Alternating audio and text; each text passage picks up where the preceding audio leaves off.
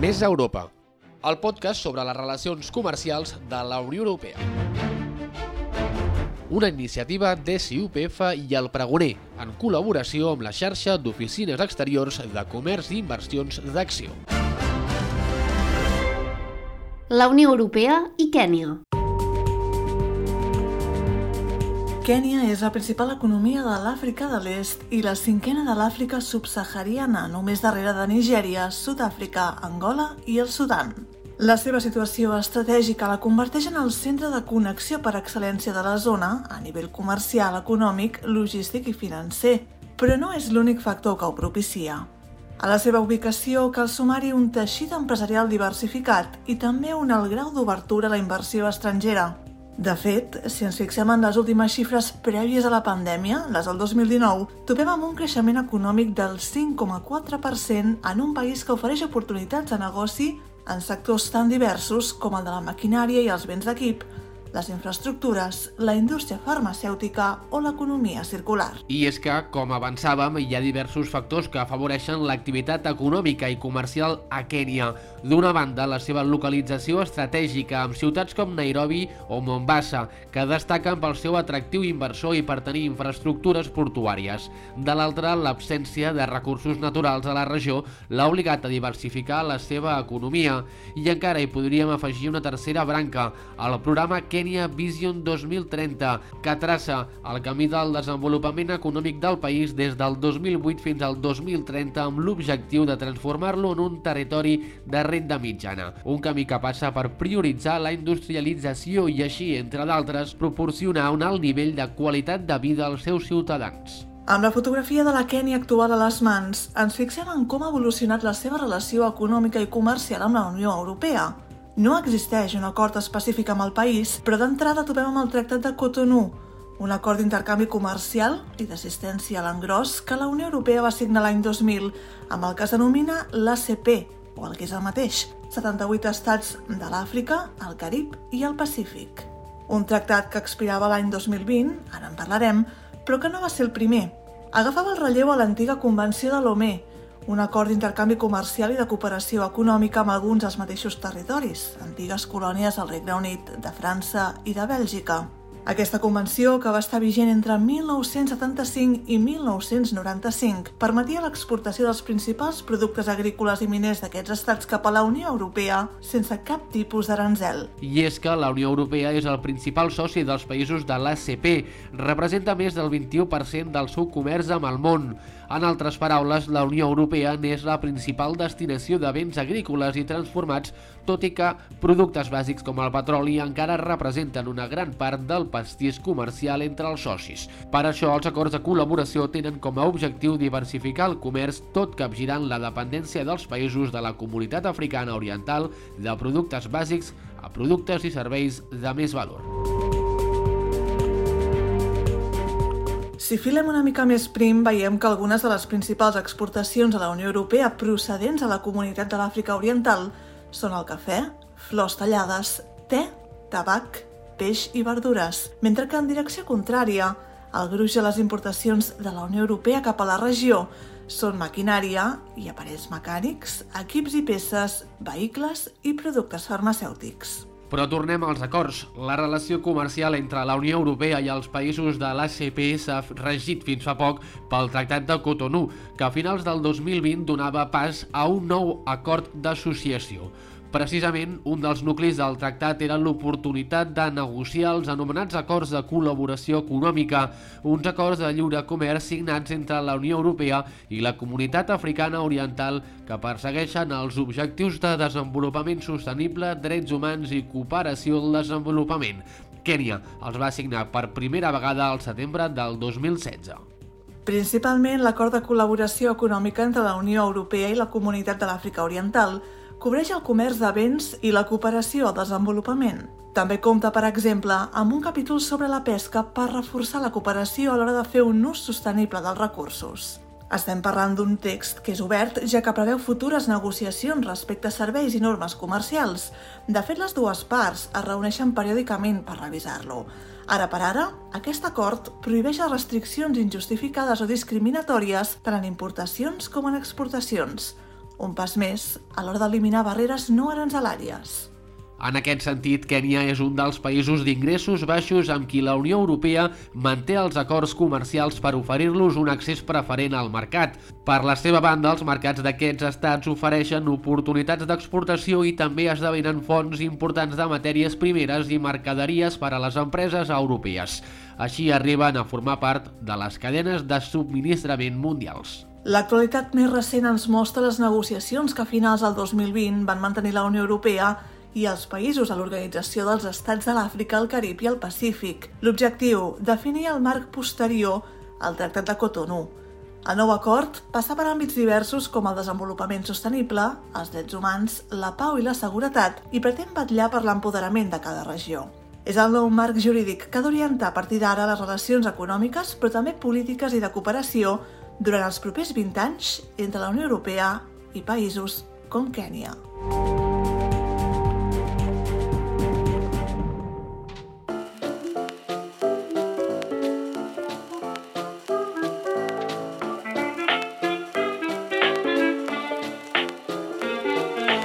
Robert Bach és el director de l'Oficina Exterior de Comerç i Inversions de Catalunya a Nairobi.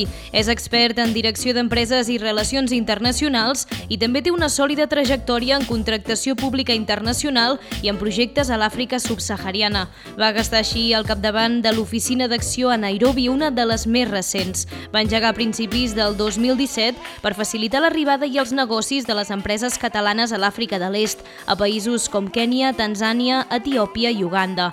En el temps que porta en acció, s'està treballant principalment amb empreses de l'àmbit de la química, l'energia i els recursos i en projectes de contractació pública internacional.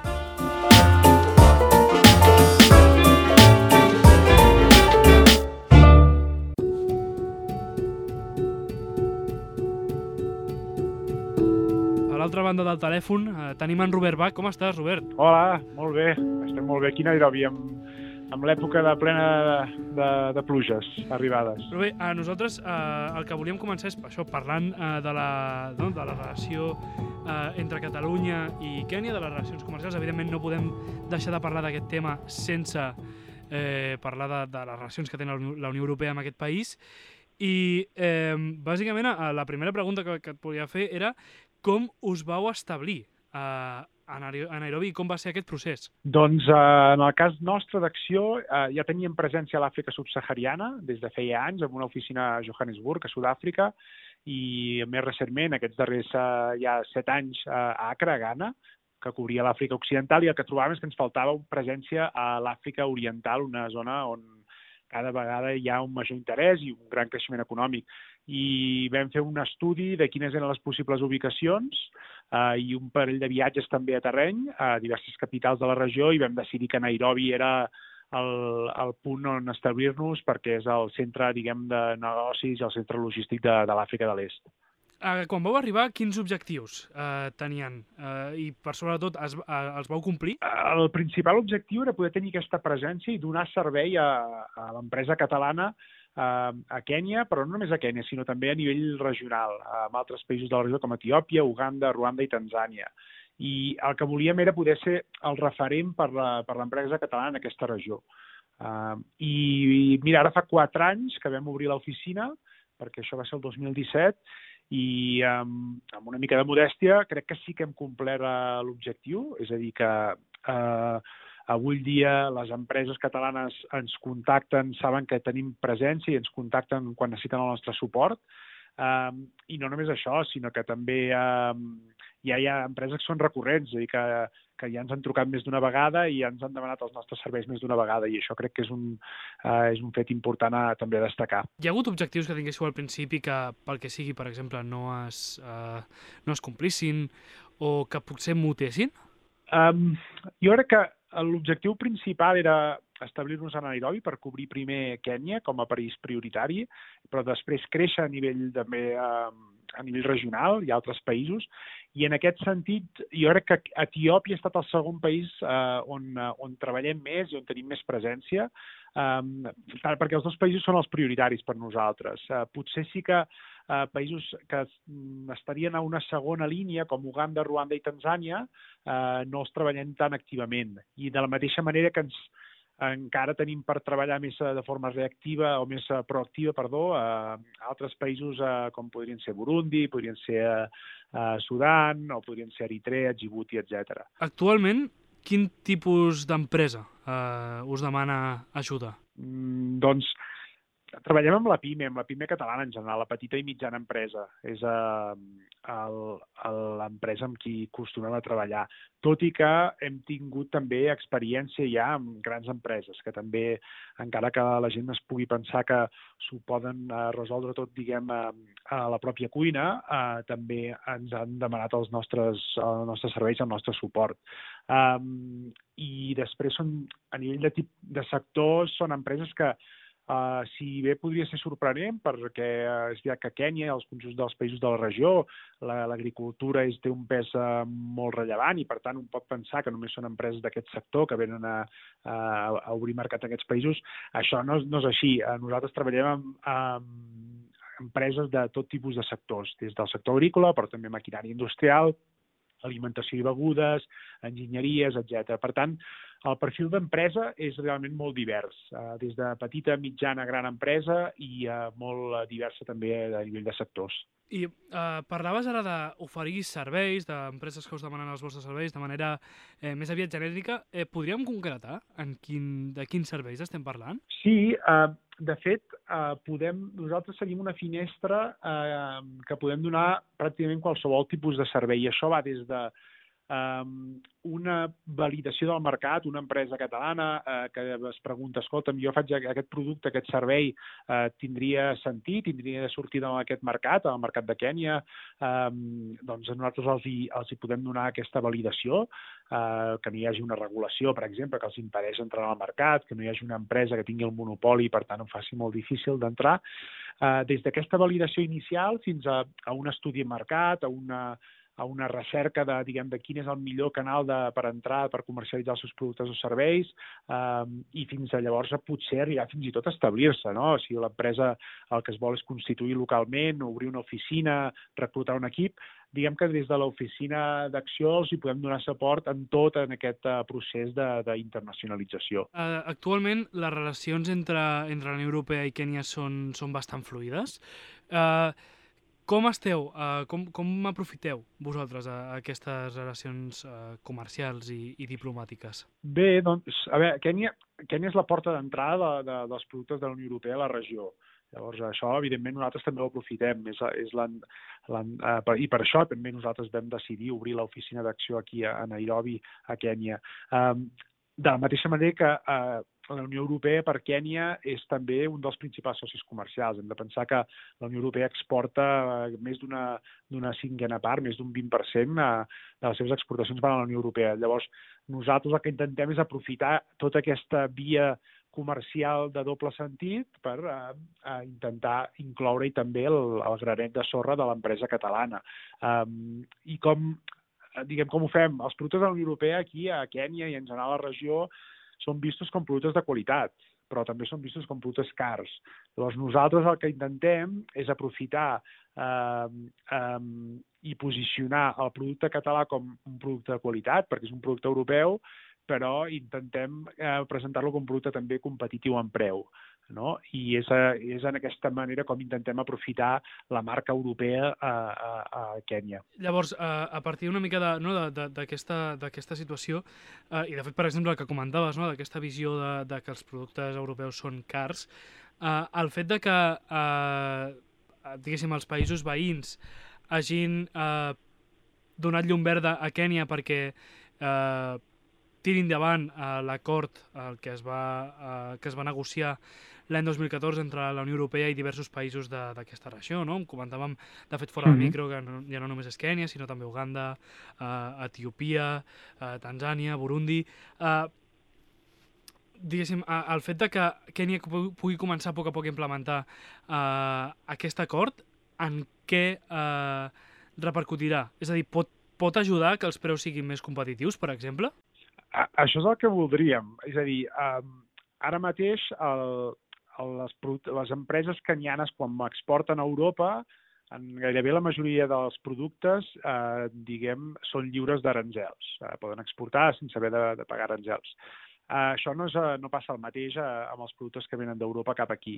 I el que hem d'esperar és de que uh, aquest acord de lliure comerç, aquesta uh, l'Economic Partnership Agreement que la Unió Europea ha negociat amb els països de l'Àfrica de l'Est, uh, permeti reduir els aranzels dels productes que provenen de la Unió Europea de forma progressiva i, per tant, una empresa catalana eh, que exporti a Kènia doncs, es pugui beneficiar de, de, de menors aranzels. El, el que ve, com, com, tu, com comentaves, aquest acord, de fet, ara els països de l'Àfrica de l'Est han permès a Kènia de que puguin iniciar i implementar-lo amb la Unió Europea. Per què? Perquè aquest acord de, de, de, de lliure comerç es va negociar el 2014, però no s'ha eh, requeria de la signatura i de la ratificació dels diversos estats membres de l'Àfrica Oriental de la Comunitat d'Àfrica de l'Est perquè s'implementés, i això no ha passat. Només dos països, Kènia i Ruanda, el van signar i només Kènia el va rectificar. Llavors, ara ens trobem que fa poques setmanes, de fet, um, la resta de països de la Comunitat de l'Àfrica de l'Est han donat llum verd a Kènia per tirar-ho endavant, esperem que això eh, haurem de veure com evoluciona, però l'impacte principal que podem esperar a mig termini hauria de ser, si tot va bé, una reducció aranzelària de diverses partides per a les empreses europees. I això jo crec que és important tenir-ho present, sobretot de que en un context que els països africans entre si eh, han signat aquest acord de lliure comerç a continental africà, que en, un, en, uns, en uns anys ha de baixar també aquestes barreres aranzelàries entre els propis països africans i el, el, diguem, el repte per nosaltres, per empresa catalana i europea, és doncs, un país com Sud-àfrica, que és un país desenvolupat i que és competència nostra, podrà exportar a Kènia mm, sense aranzels i hem d'aspirar a tenir nosaltres també aquests avantatges com a empreses europees per poder exportar a Kènia amb una reducció d'aranzels. Ara just ja en comentaves un i de fet em va molt bé per entroncar amb l'última pregunta que et volia fer, que és exacte, mm -hmm. actualment quins problemes eh, es troben a les empreses que volen entrar al mercat de Kènia i de fet de tota, de tota aquesta regió de, de l'est de l'Àfrica i eh, et, et volia preguntar això, quins problemes es, es troben i com intenteu solucionar-los eh, a dia d'avui amb els recursos que teniu? Doncs eh, jo crec que un dels problemes principals és el, és el de la cultura de negocis, és aquesta, aquesta intangible de com fer negocis a Kènia i en aquests mercats uh, africans. Nosaltres el que intentem aconsellar a les empreses és que siguin pacients, que tinguin paciència uh, i que siguin perseverants, perquè aquí no es fan negocis la nit al dia. Um, cal uh, insistir cal eh, treballar a mig, a llarg termini, i això és una cosa que mm, és un dels principals problemes que es troben moltes empreses que estan acostumades a, a ritmes diferents, a que els hi responguin els correus, a que els hi responguin les trucades eh, immediatament, i això no passa aquí. Aquí, de fet, els correus molts d'ells queden eh, sense resposta i quan truques al número de telèfon de la pàgina web de l'empresa caniana, doncs aquell número eh, està fora de servei. Llavors, eh, demanem, eh, recomanem perseverança i molta paciència i un tercer element que, que recomanem és presència, perquè un dels, un dels problemes que ens podem trobar és el fet de no tenir presència eh, ens pugui dificultar fer negocis. I tenir presència en aquest cas vol dir o venir regularment o estar-hi establerts, però no necessàriament cal estar establerts, cal venir regularment. I això, clar, en un context també del Covid, de la Covid-19, és, un de, és, una, és una gran barrera. El fet de que hi hagi aquestes restriccions de mobilitat eh, limita la presència de l'empresa catalana i això és el que ens dona potser a eh, nosaltres, que tenim presència física aquí, doncs des de l'oficina d'acció a Nairobi podem ajudar l'empresa a saltar eh, aquesta barrera que tenim actualment. Doncs, eh, Robert, eh, moltes gràcies per, per explicar-nos eh, tot això.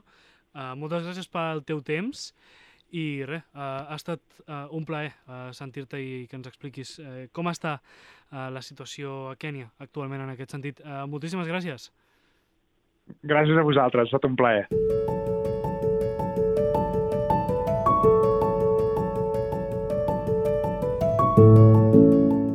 Una de les persones que ens pot donar una visió sobre el terreny de com funcionen aquestes relacions comercials entre Kenya i la Unió Europea és el Gregori Luengo, Export Manager de Bodegas Izaguirre. Benvingut, Gregori. Hola, bona tarda, Judit. Què tal? Gregori, esteu en aquests moments venent a Kènia vi blanc i negre per fer sangria, és així? Sí, ja fa tres, dos anys i mig, més o menys, que van començar aquesta relació amb un dels importadors productors més grans de, del país. Sí. Estan molt interessats en la producció de sangria? Home, aquesta gent, l'empresa Caniata, que és el nostre soci allà baix, importador, a la vegada és productor i produeixen licors, produeixen aiguardents i també vins que importaven o importen des de Sud-àfrica i els envasen allà. No? Llavors, buscaven completar una de les línies de producte que ells tenen de sucs de fruita o de productes en base d'aromes i de gustos de fruita amb una sangria i van conèixer les sangries que elaborem aquí a Casa Izaguirre, aquí al Morell, i bé, ens van fer una proposta de col·laboració, van negociar una mica, el producte els hi va encantar i a partir d'aquell moment doncs, fem això, els hi preparem les bases i ells acaben d'afinar el producte allà baix, acaben de completar-lo i l'envasen. Quina visió tenen de, dels vins aquí a Espanya? Perquè justament és terra vinícola. Sí, a veure, què et diria la visió? Ells coneixen el, els vins molt bé de tot el món i els vins europeus també, i dintre el que seria Europa coneixen també força bé tots els vins espanyols, i, i bé, ells els consideren um, una mica vins de, de qualitat uh, mitja uh, amb preus relativament com, competitius perquè són gent que en el món del vi es mou bàsicament amb els vins eh, de gran volum, no? amb els grans volums de compra i venda de vi però tenen, tenen un bon, una bones referències i, i bueno, tenen bona opinió en general de tots els vins que es produeixen dintre del que seria la península, mm. perquè també tenen relacions amb Portugal. De seguida profunditzem en aquesta relació que teniu amb aquest exportador, però sí. abans fem... Eh, Posa'ns una mica en context i explica'ns una mica quina és la història de Bodegas Izaguirre. Bé, doncs eh, m'imagino que molta gent de la que ens escolta eh, coneix el vermut Izaguirre, perquè realment som un dels punters dintre del, del món dels vermuts a, a l'estat espanyol, a Europa i al món en general. L'empresa va néixer al segle XIX, a finals del XIX, al 1884, i des d'aquell moment mm, va posicionar-se primer, com, una, com la primera o, o dels dos primers introductors de, dels vermuts a Catalunya i després en general a, tota, a tot l'estat espanyol i sempre s'ha posicionat com una empresa que treballa la qualitat en el món dels aperitius. No? Uh, també val a dir que no és el vermut l'únic producte que elaborem, tu mateixa i, i naltros avui estem parlant del tema de la sangria, fem sangries de qualitat, de gamma mitja alta, i a banda d'això, tenint en compte que l'empresa estava eh, situada a lo que és el camp de Tarragona, veïna amb la Terra Alta, el Priorat, continuem elaborant les antigues tradicions vinícoles d'aquesta zona, vins rancis, eh, moscatells, misteles, vidamissa, que són importants per nosaltres. A banda d'això, tenim un petit celler, eh, ja des de fa molts anys, els propietaris de l'empresa, eh, dintre de la denominació d'origen Costers del Segre, a prop de Vallbona de, Vallbona de les Monges. I allà elaborem vins, de, vins negres de guarda, també com veus, tenim un ventall important de, de productes. I tant, i tant. Uh, I quin és el, el tret característic o diferencial um, de Kènia que us va portar a establir-hi aquest, aquest lligam comercial? Doncs mira, nosaltres ja fa, què et diria jo, fa 20 anys pràcticament que vam començar a obrir uh, mercats exteriors. Um, a l'any 2001-2002 es va iniciar les primeres els primers enviaments regulars de producte cap a l'estranger, eh, tant a Europa com a alguns punts d'Amèrica, com a Àfrica. I Àfrica sempre ha, sigut, ha estat un, un dels continents o un dels mercats, l'Àfrica negra, eh? des de l'oest fins a l'est, la subsahariana, alguns dels mercats més importants per les nostres marques a l'estranger. Bàsicament van començar treballant moltíssim el segment del vi de missa, però després ens vam anar expansionant en tota la regió aquesta tan vasta i tan gran, amb, el, amb les sangries, amb els vermuts i fins i tot amb els vins de costers del Segre. No? I dintre dels mercats de tota l'Àfrica subsahariana, eh, en la zona de l'est era molt interessant per nosaltres, feia anys eh, que hi volíem anar i ara fa uns set anys o vuit van començar a establir relacions amb, amb zones de Kènia, Uganda, Ruanda, Tanzània, que enviem allà producte. Primer, tal com t'he dit, van fer igual que en l'Àfrica de l'Oest, el Vidamissa, després van ampliant. No? I Kènia és un mercat anglosaxó que podríem dir que és el més important a nivell de consum d'alcohol, de vins de tota la, de la zona est de l'Àfrica, no? I a banda de que tenen moltes relacions amb Sud-àfrica. I això és el que ens va animar a intentar entrar en aquell mercat, un mercat de qualitat, un mercat que és important i que cada dia creix més. No? I bé, dins de la búsqueda, després de dos tres anys d'anar-hi, d'estar presents en el mercat, d'intentar trobar gent que pogués estar interessada en nosaltres, van conèixer la gent de Qual, Kenya Wine Agencies, que ara són els nostres importadors allà. I és complicat entrar en aquest mercat? Bé, a veure, uh, l'exportació sempre és complicada perquè, sobretot, s'ha de tenir temps, ganes i fer una inversió important de diners, no? Si una empresa vol treballar en els mercats exteriors, el primer que ha de tenir clar és que ha de tenir molta paciència, que la gent que està abocada a obrir aquests mercats necessitarà de temps i necessitarà també de, de posar diner damunt de la taula, no? perquè s'ha de viatjar, s'ha d'anar allà in situ, mmm, s'han de fer moltes conferències telefòniques, per e-mail, etc. No? Però bé, mmm, és un mercat aquest el que n'hi ha tan difícil com ho són tots els mercats del món quan es volen obrir, però després, una vegada oberts, si els saps portar i cuidar, te donen moltes satisfaccions. No? Que, que la Unió Europea tingui un acord amb aquest país us ha facilitat tot aquest procés? A veure, um, l'acord pot existir, però realment al final l'acord no, ni facilita ni impedeix ni res, no? Aquí el que facilita el que obris un mercat com el de Kènia és el treball que haguem fet nosaltres directament i el treball recolzat en, una mica amb la introducció i amb el recolzament que han tingut de la gent d'acció allà baix en el país, no? perquè realment han fet molt d'acció i després també de la Cambra de Comerç de Tarragona. Aquí sí, això és el que ens ha facilitat el poder-nos acostar i el poder-nos i el poder entrar i trobar gent allà baix per treballar. Els acords que puguin haver-hi de la comunitat amb, amb Kènia, bé, hi són, però realment els acords no serveixen per res si després no hi ha simultàniament o es passa per davant d'aquests acords amb una feina, no?